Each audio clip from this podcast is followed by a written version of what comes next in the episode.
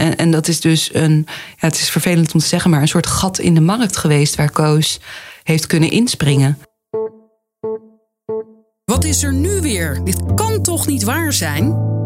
Lezers van FTM hebben die gedachten allemaal wel eens bij het openen van de site. In deze podcast vertellen de auteurs over hun onderzoek en de achtergrond van hun verhaal. Frederik vraagt door. De podcast van Follow the Money. Ik ben Jolien de Vries. En ik ben Ilke van Ark. Heb je wel eens tegenover een roofdier gezeten? Met die vraag begonnen we deze podcast. In het begin van ons onderzoek in maart 2021 zaten wij tegenover Koos Vullings. Een zorgondernemer waar we nogal wat vragen over hadden. We wisten nog lang niet alles. We wisten niet dat Koos sjoemelde met zorggeld en vond dat alle vrouwen borderline hebben.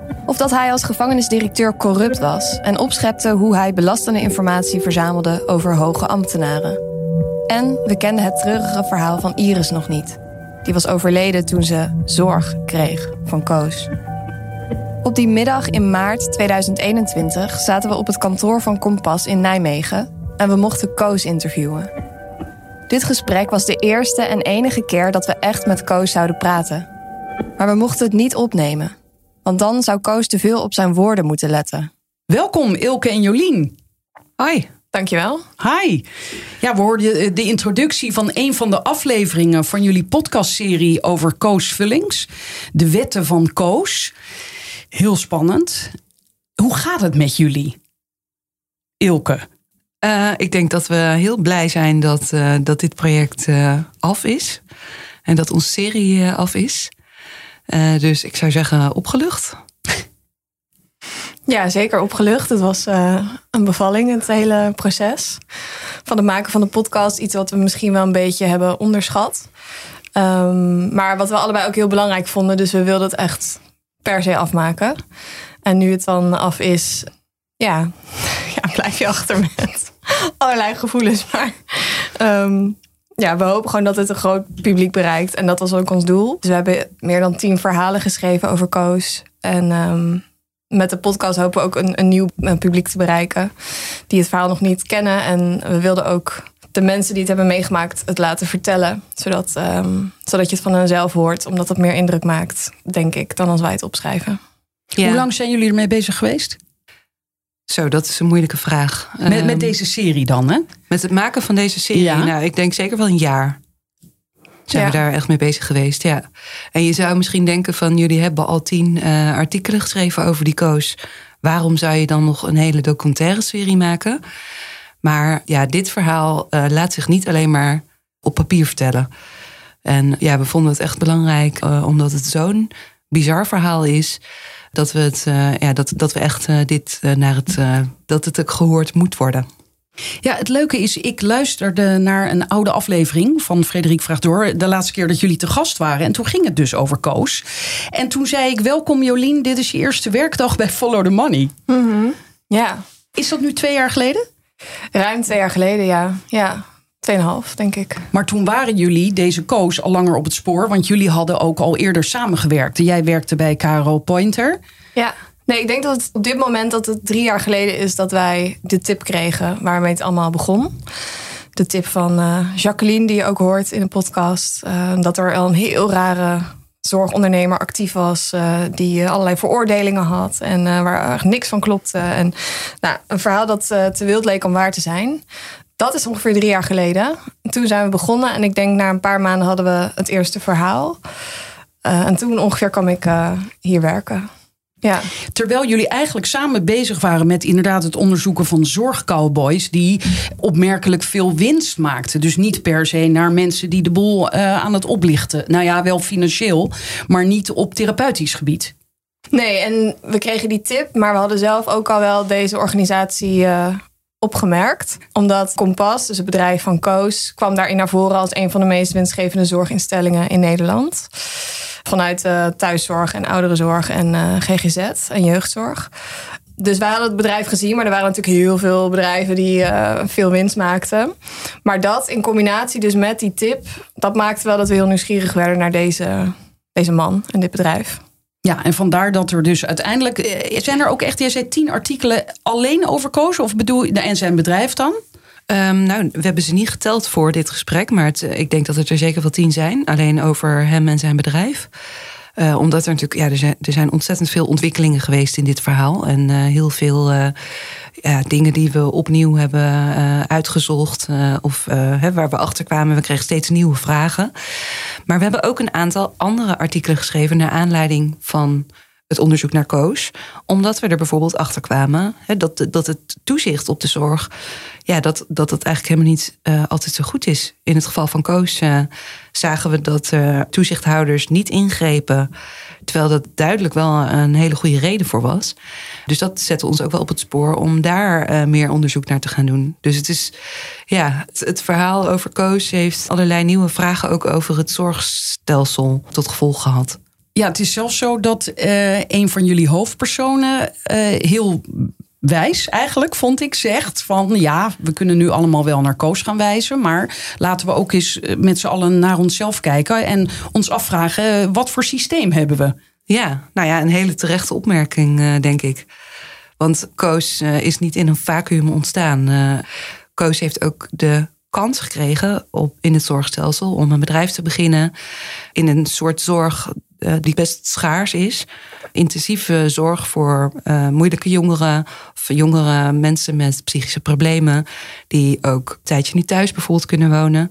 Ja, dat is zorg die, die best wel schaars is. En dat is dus een, ja, het is vervelend om te zeggen, maar een soort gat in de markt geweest waar Koos heeft kunnen inspringen. En Ja, en, en ook wat jullie goed beschrijven in de serie, dat mensen soms zo wanhopig zijn en al allerlei therapieën gehad hebben op andere plekken. En dan op dat moment heel blij waren dat ze deze bijzondere plek eh, tegenkwamen. En dat ze daar ook vrij snel terecht konden. Ja, dat was een van de dingen die Kompas zo succesvol maakte. Dat je niet op een wachtlijst kwam. Want Koos had eigenlijk altijd plek. Ja, hij wist eigenlijk op allerlei manieren wist hij ook personeel aan zich te binden, wat andere instellingen ja, niet lukte. En hoe deed hij dat? Nou, hij bood opleidingsplekken aan voor psychologen. En die zijn ook heel schaars. Dus hij trok heel veel jonge psychologen, eh, net van de universiteit aan. En die bood hij een, eh, een degelijk salaris en een opleidingsplek aan. En dat maakte dat hij voldoende personeel had om ook heel veel eh, mensen zonder wachtlijst op te nemen. Dus eigenlijk ook weer een gat in de markt. Eigenlijk wel. Ja, wat dit verhaal wel aantoont is...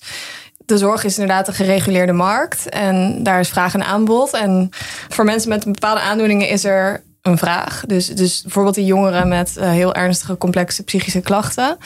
Daar is redelijk wat vraag naar. Maar het aanbod is veel kleiner dan de vraag. Door, daardoor heb je de lange wachtlijsten. En wat Koos inderdaad dus slim deed... was die groep juist iets bieden... met op zich een concept wat ja, aantrekkelijk klinkt. Eh, lekker naar de Ardennen, zes weken in de natuur... zonder afleiding van buiten, zonder telefoons, eh, veel bewegen... En zonder allerlei ingewikkelde protocollen die heel erg gelden in de zorg. Dat trok ook veel medewerkers aan om bij zijn instelling te komen werken. Omdat de zorg is natuurlijk mega gereguleerd met allerlei eh, registraties. En Koos die deed dat veel minder. Die had gewoon heel andere filosofie daarover. Ehm, dus dat trok veel medewerkers aan. En hij creëerde dus aanbod voor een groep die eigenlijk op weinig plekken terecht kan. En ik denk dat dat ook wel een manco is aan het stelsel nu. Dat gewoon voor sommige cliënten of patiënten is er gewoon nauwelijks aanbod. En die zijn een beetje overgeleverd dan aan nou, de paar plekken waar het wel goed is. En aan heel veel ja, cowboys of, of plekken die zeggen iets te kunnen bieden. Maar dat kan gewoon niet in de praktijk. En dat is wel een eh, cruciaal punt. Want ook hè, eh, door die strenge regels, de, de hoge lat die we leggen voor kwaliteit, is het voor normale, welwillende instellingen is het heel duur en intensief om een moeilijke groep cliënten op te nemen. En daar hoort een grote verantwoordelijkheid bij. Dus als je dat goed wil organiseren, brengt dat ook veel kosten met zich mee. En je ziet dus dat iemand als Koos, die lak heeft eigenlijk aan al die regels, ja, die stort zich wel op die eh, eh, hele kwetsbare, moeilijke groep. Maar ja, hij weet ook dat er gewoon niet zoveel controle is.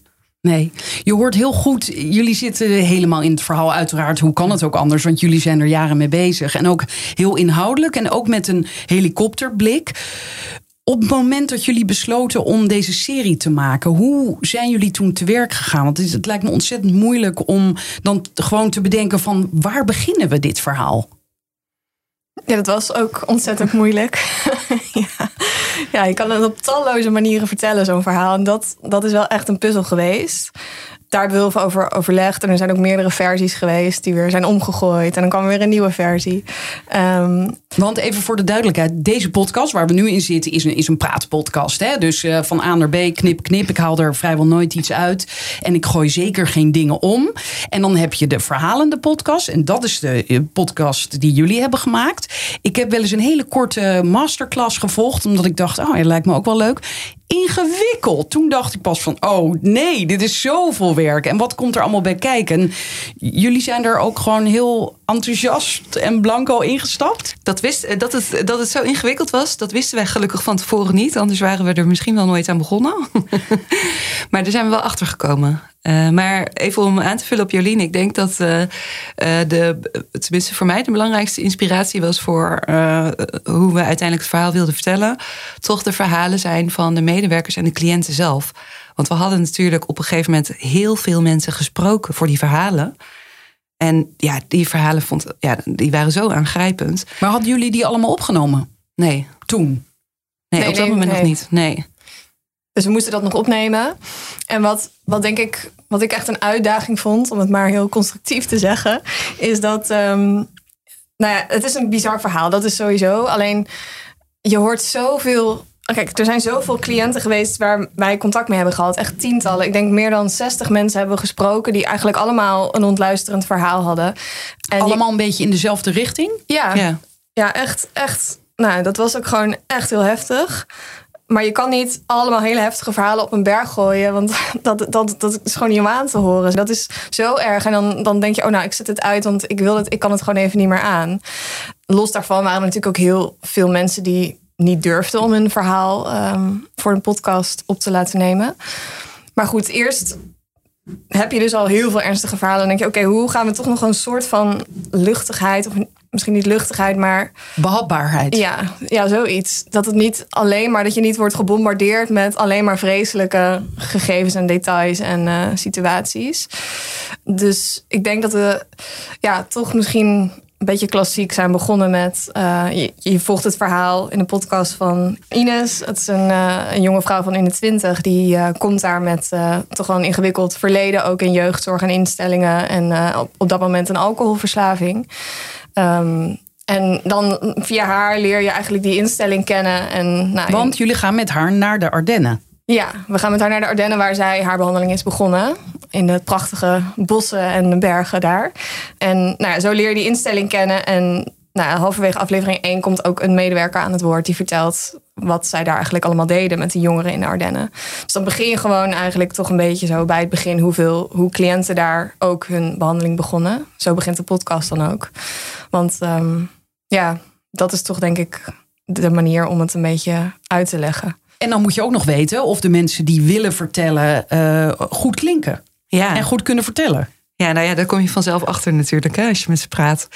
En, we hadden in dit geval heel veel uh, uh, geluk. Ik denk dat de twee cliënten die bij ons hun verhaal doen, Anna en Ines, ja, die kunnen allebei heel goed vertellen. En ook de beide medewerkers, Linda en Andy, die, die uh, ja, die kunnen je heel erg meenemen in wat zij beleefd hebben bij uh, die instelling.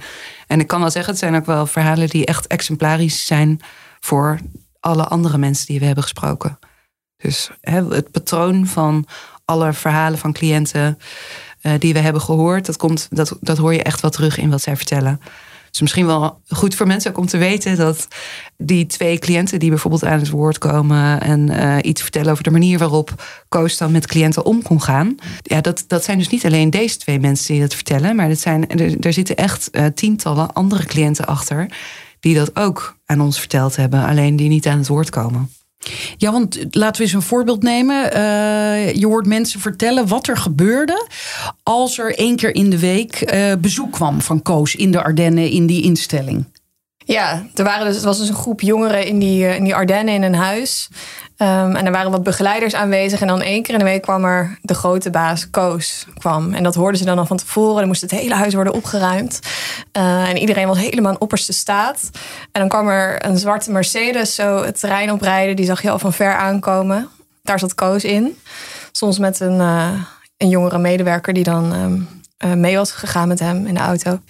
Nou, iedereen stond daar in het gelid en was helemaal uh, onder de indruk van deze man, die ook helemaal werd opgehemeld. En iedereen sprak met bewondering over hem. Het was gewoon helemaal zonneklaar dat hij de grote baas was en uh, alles wist. En um, hij ging dan ook met sommige cliënten even apart zitten. En dan ging hij de behandeling doornemen. Bij sommigen gaf hij dan advies over de medicatie. Ja, hij was gewoon echt degene die het daarvoor het zeggen had. Um, en dat moment is heel veel jongeren daarbij gebleven van dat hij kwam en dat ze hem ontmoetten voor het eerst. Dat wisten ze ook allemaal nog precies hoe dat ging.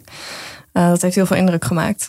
En niet alleen in de Ardennen, ook in Nederland was hij uh, echt uh, ja, het middelpunt van, van het bedrijf. Iemand die zich dus ook persoonlijk met cliënten bemoeide. Terwijl ja, dat verwacht je ook niet meteen van een zorgbestuurder. En ja, ook een beetje de popiopie uithangt. want dat, dat beeld hebben we toch ook wel gekregen. Dat hij een beetje een soort van kameraad was voor, voor jongeren. En dan tegelijkertijd soms ook wel weer heel bot. Ja, eigenlijk een hele aparte figuur. Ja, want je krijgt het beeld dat hij inderdaad en zijdelings commentaar geeft als hij langskomt. Even wat opmerkingen maakt over best wel behoorlijk ernstige gevallen waar mensen mee te maken hebben. Maar hij geeft ook, geeft of gaf ook therapieën. Hè? Ja, dat, uh, dat deed hij ook. Hij behandelde dan ook zelf uh, cliënten. Uh, wat natuurlijk op, op zich best gek is. Hij, hij, stond bekend als een soort van de grote ervaren therapeut binnen, binnen Kompas. Gaf zich ook uit voor psychotherapeut. Nou, een beschermd beroep. Daar moet je een lange universitaire opleiding en allerlei specialisatie voor achter de rug hebben. Maar ja, dat had hij natuurlijk niet. Dat, dat, uh, daar kom je al snel achter als je de podcast luistert. Zijn jullie daar toen eigenlijk achter gekomen? Of was dat, stond dat al ergens? Nee, dat stond nog nergens. Het is... ja, nee, dat stond nergens. Nee. Um, ja, we hebben dat gecheckt. Ja, je, weet je, als je psychotherapeut bent, dan sta je normaal gesproken in het BIG-register. Dus we hebben gecheckt of hij daarin stond. Nou, daar stond hij niet in. En uh, we hadden wel een, uh, een brief uh, van zijn hand die, waar keurig onder stond Koos Vullings, psychotherapeut. En we wisten dat hij zich ook zo had voorgedaan tegenover ouders van cliënten, cliënten, en medewerkers. medewerkers. Ja. ja, want ik kan me herinneren dat in het begin van ons onderzoek zijn we dus allerlei mensen gaan bellen die daar gewerkt hebben. En ik heb meerdere medewerkers gesproken aan wie ik vroeg van, ja, wist je dat hij geen psychotherapeut was? En die zeiden, ja, maar hij, hij is toch wel psychotherapeut? Die wisten dat gewoon nog steeds niet. Dus dat geeft ook aan ja, hoezeer iedereen daarvan overtuigd was. Ja, niet iedereen, er waren een aantal mensen die wisten het wel, maar ook heel veel medewerkers dus zelfs niet. Maar heel veel medewerkers wisten ook niet dat hij veroordeeld was. Nou, dat, de medewerkers die daar op dat moment werkten, die kregen dat wel, ja, die kregen dat een soort van mee. Of nou ja, dat hij veroordeeld was niet. Voor stalking van zijn ex-vriendinnen? Ja, en bedreiging ja. met ernstig geweld van ja. een buurtbewoner. Ja. Ja, met een mes. Dus um, nee, hij heeft daar wel een verhaal over verteld. Of ja, andere medewerkers hebben daar een verhaal over verteld binnen de instelling. Maar hij heeft niet het vonnis laten zien. Hij heeft niet eerlijk verteld wat er precies uh, allemaal gebeurd is en wat hij gedaan heeft en hoe ernstig dat was. Dat, daar hadden mensen echt niet uh, een eerlijk uh, beeld van. Nee. Jullie hebben hem daarmee geconfronteerd. Ja. Want Jullie hadden, dat zei je net, allerlei medewerkers gesproken, maar geen opnames. Maar waar jullie wel een opname van hadden, was van een gesprek met Koos. Dat jullie uh, al best lang geleden hadden gehad. Ja, dat klopt. We hebben uh, een gesprek gehad, redelijk in het begin van ons onderzoek. Uh, hebben we geprobeerd om hem te spreken te krijgen. Toen hebben we ons ook keurig aangekondigd. Hè. We zijn uh, journalisten. We willen graag met je praten. Omdat Kompas ook hoge winsten maakt. en ja, we hebben wat mensen gesproken. Nou, daar ging hij eerst niet echt op in. Maar toen heeft hij toch toegehapt om, om dat gesprek met ons aan te gaan. En dat hebben we opgenomen inderdaad. En ook, ja... Toen wisten jullie nog helemaal niet dat jullie een serie zouden maken. Nee. nee. En we wisten ook helemaal niet hoe erg het precies was. We hadden wel een idee van, nou, dit is, dit is wel echt foute boel. Maar ja, nog steeds was het een beetje onwerkelijk dat dit echt kon. Zeg maar dat, ja, ik zat, zat nog steeds in mijn hoofd met, ja, maar zometeen blijkt dat het toch allemaal niet zo ernstig was als die cliënten zeiden. Of dat wij iets verkeerd hebben gezien of dat zij iets verkeerd hebben gezien. Maar ja, toen hebben we hem dus gesproken. Het was op zo'n hele koude dag in ja, maart, maart, of zo ergens. Uh, het was heel koud in dat gebouw. was een grote, statig pand in Nijmegen. Waar dan het hoofdkantoor was. En um, ja, daar zaten we met hem in een, in een kamer. En ehm, hij wilde niet dat we dat gesprek zouden opnemen. Um, Want jullie vroegen dat? Ja. Ja, ja Ilke vroeg dat van tevoren. En toen zei hij nee, dat wil ik niet hebben. Want dan moet ik te veel op mijn woorden letten en daar heb ik een hekel aan. Maar toen hebben we dat stiekem toch opgenomen. In eerste instantie gewoon ja, om zeker te weten dat we alles juist zouden quoten of uh, alle informatie juist zouden opslaan. Want met meeschrijven is het toch soms lastig. Maar jij zegt stiekem, heel even tussendoor. Terwijl in de podcast zeggen jullie inderdaad ook, we, we, hebben toch opgenomen. En dan leggen jullie uit, uh, dit mag ook. Want je mag, als je in een gesprek bent met iemand, zonder medeweten van die ander, dat gesprek opnemen. Dat wist ik niet. Oké, okay, ja. ja. nee, dat mag iedereen. Dat is niet strafbaar om een uh, gesprek op te nemen waar je zelf deel van uitmaakt. Uh, dus dat mag je in principe doen. Ja, dat doe je meestal als journalist doe je dat natuurlijk niet. Maar in dit geval hebben we uh, die opname gemaakt omdat we wel op het moment dat we met hem gesprek gingen, wisten dat hij een veroordeelde stalker was. En dat hij dus zich voordeed als psychotherapeut, maar het niet was. En dat waren eigenlijk twee elementen waardoor wij eigenlijk uh, echt dachten van nou, het is wel belangrijk om dit als een soort verzekering uh, in ieder geval op te nemen. Maar ook bijna, het klinkt ook bijna alsof jullie dachten, wij, willen gewoon horen of, of wij nou gek zijn.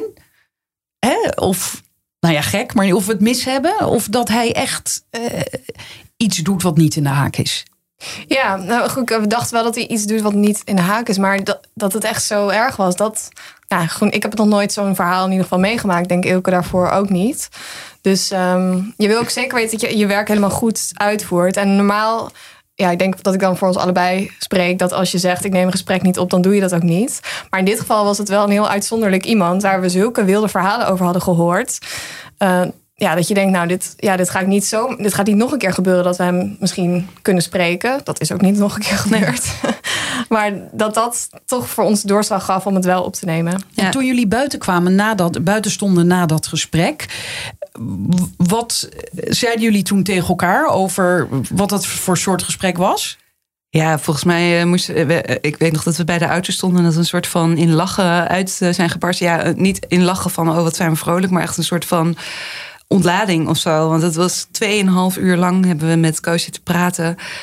Um, nou ja, daar hoor je een aantal dingen van in uh, aflevering 6 van onze podcast. Uh, maar dat was voor ons echt een ongelooflijk gesprek. Echt een bizar gesprek. Uh, dus we, ja, we, we, konden eigenlijk bijna niet geloven de manier waarop hij over cliënten praatte. Ja, de dingen die hij er eigenlijk zomaar uitflapte.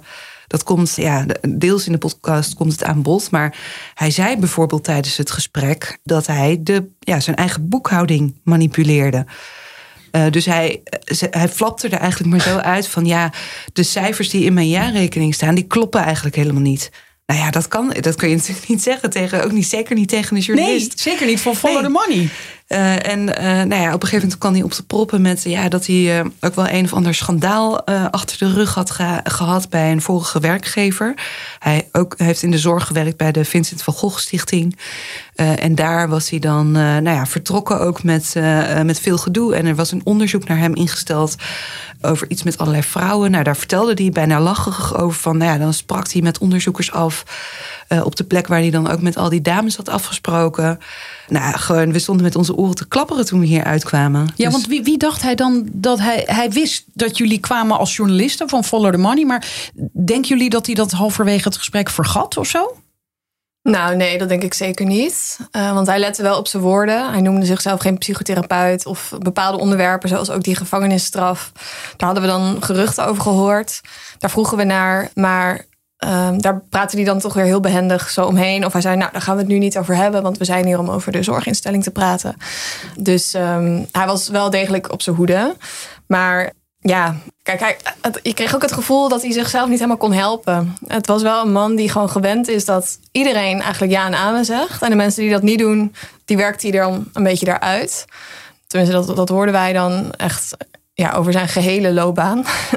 um, en wij hadden ook wel een houding in het gesprek, een soort nieuwsgierige houding. En niet een superkritische houding dat bij elk ding dat hij zei van uh, dat we zeiden, nou, wat zeg je nou? En dat kan toch helemaal niet? Of, we deden ons wel een klein beetje dommer voor dan we ja. uh, misschien normaal ja, zijn. Ja, omdat we hem gewoon dus zoveel mogelijk wilden laten vertellen.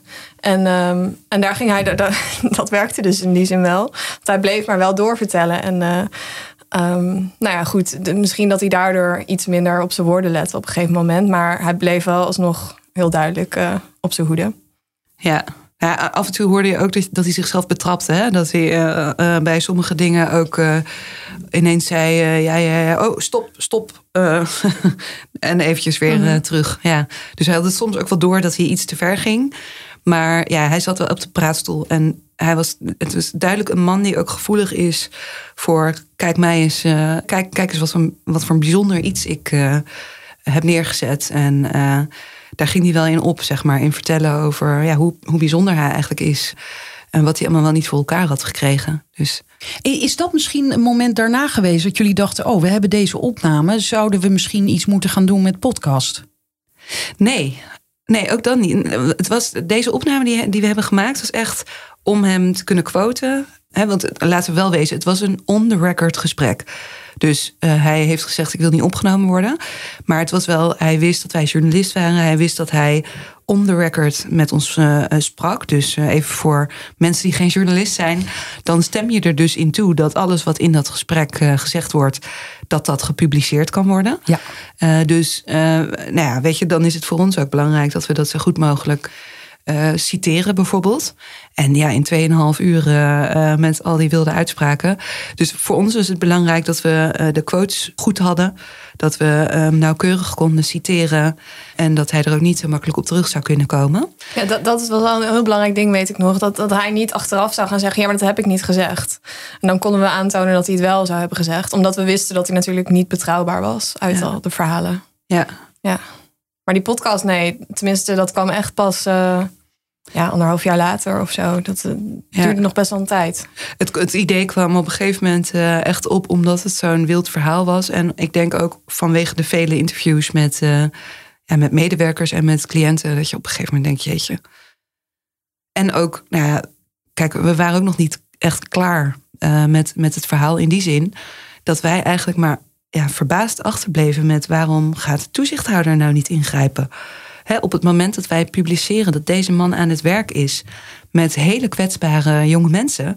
En we weten allemaal dat hij geen psychotherapeut is, dat hij zich wel zo voor heeft gedaan. Uh, we, we, weten dat hij eigenlijk geen verklaring omtrent gedrag kan hebben, omdat hij nog niet zo lang geleden voor stalking is veroordeeld. Hoe kan het dan dat de toezichthouder niet zegt: hé hey, Koos, uh, jij uh, wordt even uit dit bedrijf gehaald. Ja, want dat was inderdaad al die tijd het geval. Ieder artikel dat kwam, dan, dan dachten jullie, neem ik aan, en ik eigenlijk ook als lezer, van nou, nou is het klaar met die man. Maar het was helemaal niet klaar. Nee. Nee, er kwam dan op een gegeven moment wel verscherpt toezicht. Maar ja, goed, eh, ik moet ook echt zeggen, dat was leerzaam aan dit verhaal. Want voordat we dit verhaal maakten, had ik daar het idee bij van, nou, dat is heel wat, dat is wel een maatregel.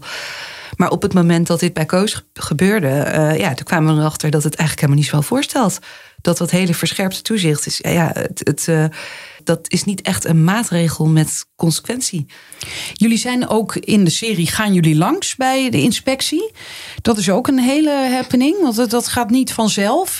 Welke, welke rol eh, heeft de inspectie? Is in de podcast, maar ook gewoon in het leven, zou ik willen vragen. Wat, wat, nou, wat ja, gebeurt daar nou? Het is een heel belangrijke inspectie, de oudste van Nederland. En die moet een stuk of dertig iets meer wetten handhaven. Dus in de zorg gelden allemaal wetten. En de inspectie ziet erop toe dat die wetten worden nageleefd door alle zorginstellingen. En als die wetten niet worden nageleefd, moeten worden ingegrepen. Dus um, zij hebben daar een soort eigen methode voor bedacht, hoe je dat gaat doen. Want het is natuurlijk wel een behoorlijke taak als je kijkt naar alles waar zij toezicht op moeten houden. Dat zijn ziekenhuizen, jeugdzorg, de farmaceutische industrie, de medische hulpmiddelenindustrie. Nou, ik kan nog wel even doorgaan. Zorg, verpleegzorg, alles. Echt alle soorten zorg. Ook de alternatieve genezers, daar moeten zij ook op toezien. Um, dus het is echt gigantisch. Nou, daarvoor hebben ze tussen de 8 en 900 FTE, dus een vrij kleine organisatie. En dus hebben ze zo een methode bedacht van hoe kunnen we dan toch met die beperkte middelen dat allemaal controleren.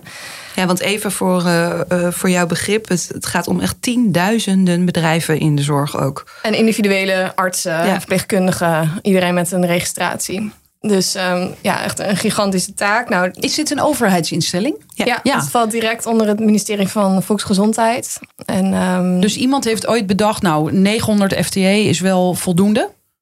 Nou, dat uh, is zo gegroeid. Elk, jaar, ja. elk kabinet die kan opnieuw investeren of investeren, maar die, kan, uh, die bepaalt ook het budget. En, um, nou Oké, ja. dus de, die mensen die nu luisteren, goed opletten. Ja. Je kan dus meer geld eraan uitgeven. Ja, het zit hem ook niet misschien alleen in geld, maar ook in de opdracht uh, uh, en de manier waarop zo'n inspectie dan te werk moet gaan. Want dat is ook heel belangrijk. Hè? Welke uh, ga je zorgen dat je heel, heel veel inzet op het aanpakken van boeven als koos? Om bijvoorbeeld een voorbeeld te geven? Of ga je juist meer investeren in een uh, breed uh, toezichtskader waar, hè, waar instellingen allemaal uh, bepaalde vinkjes moeten zetten, dat ze aan dingen voldoen. Um, maar blijft het een beetje bij een papieren controle? En, ja, en dit soort dingen wilden jullie dus ook weten van hen, maar, maar dat is niet echt gelukt. Nee, want dit verhaal was natuurlijk zo. Er waren zoveel dingen die allemaal misgingen. En ook die bijvoorbeeld zorgverzekeraars hebben vastgesteld. Er zijn aangiftes gedaan voor zorgfraude. Nou, er zijn talloze meldingen geweest. Meer dan 30 van uh, uh, de zorg die niet goed is. Allemaal over kompas. Hè? Ja, en ja. die meldingen zijn dus bij de inspectie voor de gezondheidszorg gedaan. Ja, dan verwacht je toch echt wel dat in zo'n geval dat er wordt ingegrepen. En dat was steeds onze vraag: van hoe kan dat nou dat zelfs hier niet wordt ingegrepen? Dat er niet een keiharde maatregel wordt opgelegd. En die vraag is eigenlijk nog steeds niet beantwoord. Want um, ja, zo'n soort gesprek, ook niet een achtergrondgesprek, dat heeft gewoon niet plaatsgevonden. Omdat de inspectie zegt: het is een lopend onderzoek en daarover doen wij geen uitspraken. Dat kunnen wij niet doen. Ja, en dan blijven wij achter met vragen. Ja, je moet je voorstellen, kijk, we hebben natuurlijk bij ieder verhaal wat we over hebben geschreven, hebben we ook die inspectie op een gegeven moment benaderd. Van, nou, hè, hoe zit het? Hoe ver staan jullie ermee? Uh, wat gaan jullie doen? Waar zijn jullie mee bezig? Bijvoorbeeld dat hij geen psychotherapeut was. Nou, dat had de inspectie, had dat al gesignaleerd. Mm. En die hebben hem ja, een waarschuwing gegeven en toen gewoon door laten gaan met werken. Voel je dit mag niet? Voel je dit mag niet, dat moet je niet nog een keer doen. En uh, nou ja, uh, hè, ze hadden een boete op kunnen leggen, maar dat hebben ze niet gedaan. Uh, en vervolgens is hij nog een keer betrapt. Daar hebben ze, nou, hebben ze ook niks mee gedaan. Dus wij hebben dan de vraag van... waarom hebben jullie deze keuze gemaakt? Kun je dat dan ook verantwoorden? En daar krijgen we geen antwoord op. Um, en, en dit soort ook praktische vragen. Ja, in de praktijk bel je dan met een woordvoerder uh, van de inspectie. Allemaal welwillende mensen. Maar uh, die, ja, die vormen samen een muur. Waar je steeds van hoort. Nee, ja, hier kunnen we niks over zeggen. Doen we geen mededelingen over. Op het absurde af. Uh, op een gegeven moment komen ze zelf wel met rapporten. Dus daar kun je wat informatie uithalen. Uh, maar ja, we, hebben het, we proberen dan soms ook door te vragen op die rapporten. En zelfs daar uh, ja, verantwoorden ze zich dan eigenlijk niet over. En wat wij het liefst hadden gewild voor deze podcast was natuurlijk een echt gesprek met de inspectie. Als het niet alleen over Koos had gekund, dan in ieder geval over hun werkwijze en uh, over in het algemeen. Hoe, ja, hoe kan en... het dat dit soort figuren.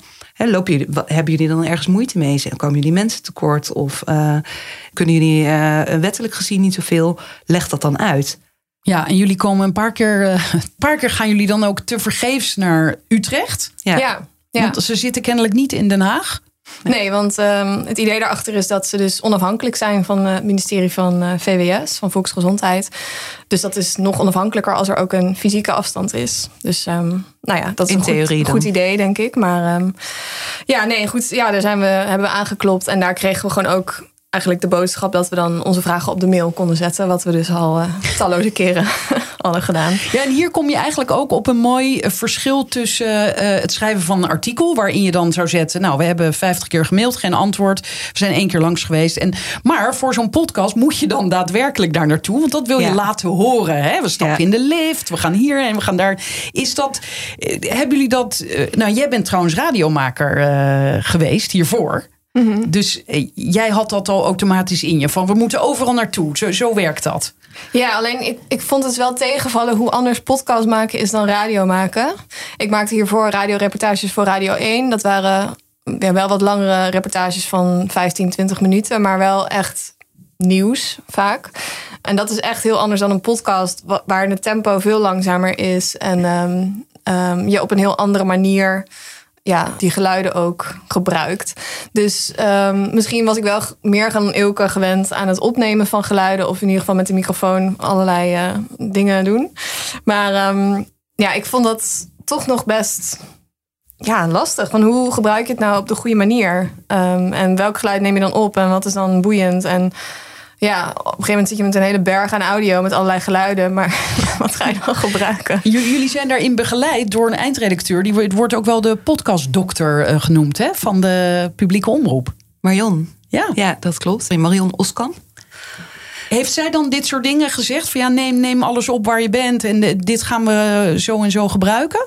Ja, zij stimuleert wel om, uh, om allerlei dingen te gebruiken, inderdaad. Uh, ook op te nemen van het, van het proces zelf. Maar wat jij zegt van uh, zo'n bezoek aan de inspectie, daarvan hadden we ook een beetje de gedachte. Uh, je ziet dan wel bijvoorbeeld die jongen van Boos. Die, uh, die allemaal confrontaties doet. je hebt natuurlijk een heel. Tim Hofman? Ja, een heel genre van, uh, van journalistiek van vroeger Willy Bord frequent. Ja, de overvalmethode. Ja, de confrontatie. En uh, ja, weet je, wij hebben natuurlijk niet alleen gemaild, maar we hebben heel vaak ook gebeld met de inspectie. En ook voor de podcast hebben we natuurlijk met, met zo'n woordvoerder gepraat van nou. Denk erover na. En weet je, daar komt dan op een gegeven moment niks uit. Dus we hadden ook half zoiets van ja, dan misschien moeten we dan ook maar zo'n overval doen. ja. ja. Ja. Maar dat, uh, ja, dat mocht niet baten. Nee. nee ik heb van meerdere mensen gehoord, Jolien. Uh, ja, Jolien is echt degene die overal waar ze zijn uh, beschrijft wat ze ziet. En toen oh. zei ik, ja, volgens mij is dat omdat zij radiomaker is geweest. Dus jij bent de hele tijd bezig met het feit, ja, de luisteraar is hier niet bij. Dus ik moet alles benoemen. Ja, dat zou kunnen. Ja, ik, ik schijn ook vaak gezegd hebben dat iemand er dan heel mooi uitziet. podcast. Maar ja. hadden jullie ook bewust zo'n soort rolverdeling, ook op andere vlakken, Ilke? Nee, dat is helemaal natuurlijk uh, gegroeid zo. Ik denk dat we vrij natuurlijk uh, zijn geweest wat dat betreft. We hebben er nog wel heel even over nagedacht in het begin. Een soort van rollenverdeling, maar die is helemaal in het water gevallen. Daar is echt helemaal niks van overgebleven. Af en toe, uh, dat lijkt me ook heel lastig, vertellen jullie iets wat al gebeurd is. Dus dan moet je een beetje een soort van, oh ja, dat ging zo en zo. Wat, was dat last? Moest je bijna gaan acteren of overdrijf ik nu? Uh, nou ja, je moet het uh, wel een beetje ontspannen vertellen natuurlijk. Uh, ik weet, heb, heb je een voorbeeld waar je specifiek op doelt? Nou, op de redactie. Hè. Je hoort ook ja. geluiden van de redactie van Follow the Money. Uh, ja. Daar krijg je dan ook een inkijkje. En dan gaan jullie ja, documenten opzoeken die jullie al in jullie bezit hebben. Ja. Maar daar wil je dan over vertellen. Dus dan zegt de een, ik weet niet meer wie, tegen de ander van...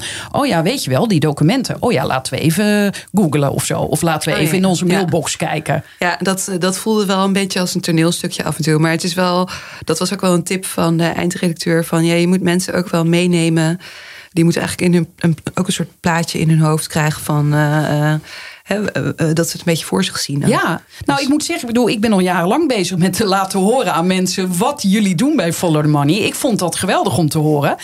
Uh, omdat ja, ik ken de redactie, maar het lijkt mij heel leuk als lezer en luisteraar om een beetje te weten, ja, hoe, hoe doe je zoiets? Hè? Voor jullie is dat onderzoek is voor jullie toch wel gesneden koek. Ja. nee, dat was het idee daar ook al achter. Um, ook omdat we de podcast echt voor een breed publiek uh, toegankelijk wilden maken. Dachten we ook, ja, niet iedereen weet wat een onderzoeksjournalist is eigenlijk. En wat hij doet. En wat Follow the Money is. En daarom hadden we best een ja, wat langere introductie van onze redactie en wie wij zijn en wat voor werk we doen. En leuk dat je dat uh, interessant vond. daar is niet iedereen het mee eens. Nee, de reacties zijn nee. gemixt. Ja. Ja, dus maar van de collega's of van buitenstaanders? Nee, van buitenstaanders. Oh ja, die, die zeggen dat. Oh. Uh, nou, gewoon een paar reacties van mensen die je krijgt of leest. Ja, en ja, dus, sommige uh, mensen vinden het leuk, sommige mensen vinden het niet leuk. Dat, dat hou je natuurlijk toch. Een smaakding, denk ik. Maar, maar ja, ik kan me wel voorstellen. We, we, waren natuurlijk ook niet gewend hè, om dat te doen. We hebben een eerste versie van deze podcast gemaakt, nog zonder eindredacteur, met z'n tweeën. En uh, uh, dat is door iemand beluisterd en een professional ook. En die gaf ons de feedback van: ja, het, het, is, het klopt allemaal wel, maar het is net een hele lange, uh, ja, een hele lange televisie-uitzending, zeg maar. Je een hebt er geen, lange, ja, maar ook een beetje. Het, het lijkt wel een soort nieuwsuur documentaire in plaats van. ja, dat je echt hoge in informatiedichtheid, denk ja. ik dan. Ja. Ja, ja, want, want, dat is natuurlijk vaak zo bij Follow the Money. Dat, dat, is, ja. dat is een van de grote krachten. En valkuilen misschien ook wel. Ja, ja, daarmee. En niet echt relaxed uh, lezen altijd dan. Ja. Of maar luisteren. nu bijvoorbeeld in de vorm, dankzij de muziek bijvoorbeeld, helemaal in het begin hoorden we dat. Er is een heel mooi, eh, hoe noem je dat ook weer? Muzieklandschap? Nee, muziek. eh, Soundscape oh ja, misschien? soundscape. Ja. Ja. Eh, dat helpt ook, want je moet inderdaad al die informatie die je te horen krijgt, eh, eerst even kunnen verwerken voordat je verder kan eh, met luisteren. Wat zijn de reacties nog meer? Eh, nou ja, ik, krijg wel de meeste reacties van mensen die echt zeggen: hoe, hoe is dit in godsnaam mogelijk? Dit is echt bizar. En ehm, nou, dat die man is die man nog steeds gewoon actief en wat doet hij? En eh, ja, hoe, hoe is het mogelijk dat niemand heeft ingegrepen? Dat zijn toch wel eh, de meeste reacties. En met name ook aflevering 4. Ja, daar zijn mensen echt van onder de indruk. Ja. Dat Waar gaat dan, die eh, over? ja, over een, een jonge vrouw die ehm, daar terecht kwam met heel ernstige anorexia. En Koos die ontfermde zich over haar. En die heeft haar behandeling helemaal zelfstandig op zijn manier uitgevoerd. En nou, het is niet goed met haar afgelopen. Na een jaar is ze overleden. Ja. Ehm, en dat verhaal, hoe dat is gegaan, hoe de jongeren die met haar woonden in die instelling, hoe die dat hebben beleefd, dat, dat zit in aflevering 4. En daar krijg ik echt heel veel reacties op eh, van mensen dat het ja, gewoon onthutsend is. Ja. Ja. en over die vraag van hoe kan dit en is hij nog steeds bezig? Die vraag laten we even eh, boven de markt hangen, want dat hoor je in de laatste aflevering. Dus dat is even een cliffhanger. Er is iemand die schrijft eh, op de website van Follow the Money, ja, iemand die ook schrijft, eh, is dit ook in tekstvorm? Nee. Dat krijgen we wel vaker, dat krijg ik ook al jaren die vraag. Is er een tekst? Nee, het is een podcast. Je kan luisteren, hoeft niet. Ik kan wel een tip geven. Je hebt tegenwoordig software waarmee je audio kan laten uitwerken. Dus misschien dat dat een tip is voor. Ja, dat is een tip, maar ik weet niet of dat nou zo lekker leest, maar Nee. dat kan wel. Ehm, er is ook iemand die schrijft: Om deze reden ben ik lid geworden. Dus kennelijk is er toch ook iemand eh, om die reden naar de site gekomen. Heel goed. En ehm, een collega die, eh, die vraagt: Wanneer konden jullie weer rustig slapen zonder dat je eerst onder je bed keek of Koos daar niet was? Ja. Dat, eh, dat is een hele mooie vraag. Ehm, ja, nee, dat, dat is natuurlijk. Eh, ehm, eh, ja, ik denk niet dat wij echt zelf eh, heel erg eh, eh, bang zijn geweest voor Koos. Nee. Nee, wat, wat ons in het begin opviel. Kijk, het is, het, we, we hebben gezien dat hij een man is met heel veel verschillende gezichten. En ehm, ik denk dat hij ook heel goed is in zich afstemmen op zijn publiek. Dus ja, mensen met een hele machteloze positie, die jonge mensen die daar van hem afhankelijk zijn in zo'n instelling. Ja, daarvoor was hij denk ik veel intimiderender en bedreigender dan voor ons van buitenaf als eh, journalisten. Dus eh, ja, het is eh, aan de ene kant een, een soort van ja, griezelige figuur. maar niet zozeer voor ons, maar meer om de vele gezichten, denk ik, die hij eh, liet zien. En wat ik hier het meest griezelig aan vind, is toch ja, dat, dat hij die ruimte heeft gekregen ook. Ja. Van toezichthouders. eh, ja, Jullie hebben op de website ook een hele verantwoording hè, per aflevering met alle argumenten, bewijzen. eh, want jullie hebben ook de hele serie weer voorgelegd aan Koos uiteraard. Van eh, mogen we je reactie? En hij wilde A niet reageren en B zei hij er, is- er staat heel veel onzin in. Er zit heel veel onzin in. Ja, allemaal onzin is het. Ja, Allemaal ja. onzin. Nou, mm, nou, niet alles. Er waren ook opmerkelijk genoeg weer dingen die best heftig waren. Over eh, een meisje dat helemaal onder het bloed eh, zit nadat ze Koos gezien heeft. eh, ehm, en omdat ze de pols had doorgesneden. Ehm, nou, dat, dat, ja, dat, was, klopte dan wel volgens hem. Of daar had hij geen opmerkingen over. Dat je denkt, oké, ja. Maar andere dingen, nou, heel veel dingen had hij wel opmerkingen over. En dat, dat was allemaal onjuist. Maar Ik wil wel graag even de mooiste eh, opmerking daarvan delen. Dat Koos ontkent eigenlijk met klem dat hij eh, eh, ooit heeft gezegd dat, dat je bij vrouwen altijd eh, dat je hen voor moet laten gaan op, als ze de trap oplopen. Want hij heeft dat gecorrigeerd naar ons toe. Hij zei: Nee, dat heb ik nooit gezegd, want het is andersom. De man moet altijd voorgaan. Daar heeft hij wel een punt van gemaakt. maar- ja, dus, dus ja. Maar, Ik dacht dat je ja. ging zeggen, hij heeft teruggenomen dat hij ooit heeft gezegd alle vrouwen hebben borderline. Nou, Nee. dat heeft hij zeker wel gezegd. Dat erkent hij ook, maar dat was uit de context gehaald. En hij zou er dan ook bij hebben gezegd... eh, en alle mannen zijn psychopaten.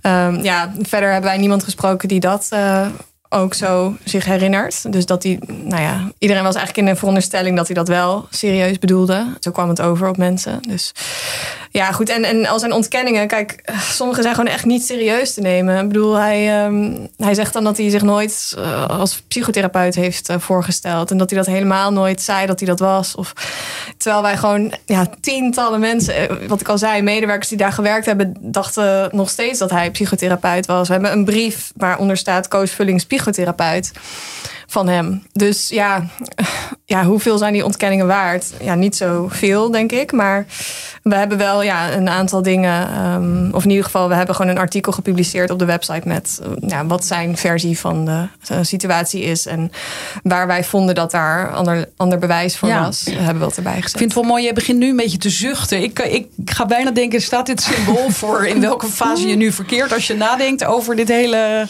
traject? Nou, ja, um, nee, nee, dat denk ik niet. Maar meer om, om de ontkenningen. Nu ga je weer een beetje het, lachen. Ja. En het spoor van vernieling dat hij gewoon heeft ja. aangericht in zijn leven. En uh, met die instelling. En dat hij dan van alles ontkent. Kijk, in de podcast zijn dus een aantal mensen dapper genoeg om dat op band te zeggen. En die weten ook dat hij dat te horen krijgt. Nou, ik vind dat hartstikke moedig van die mensen.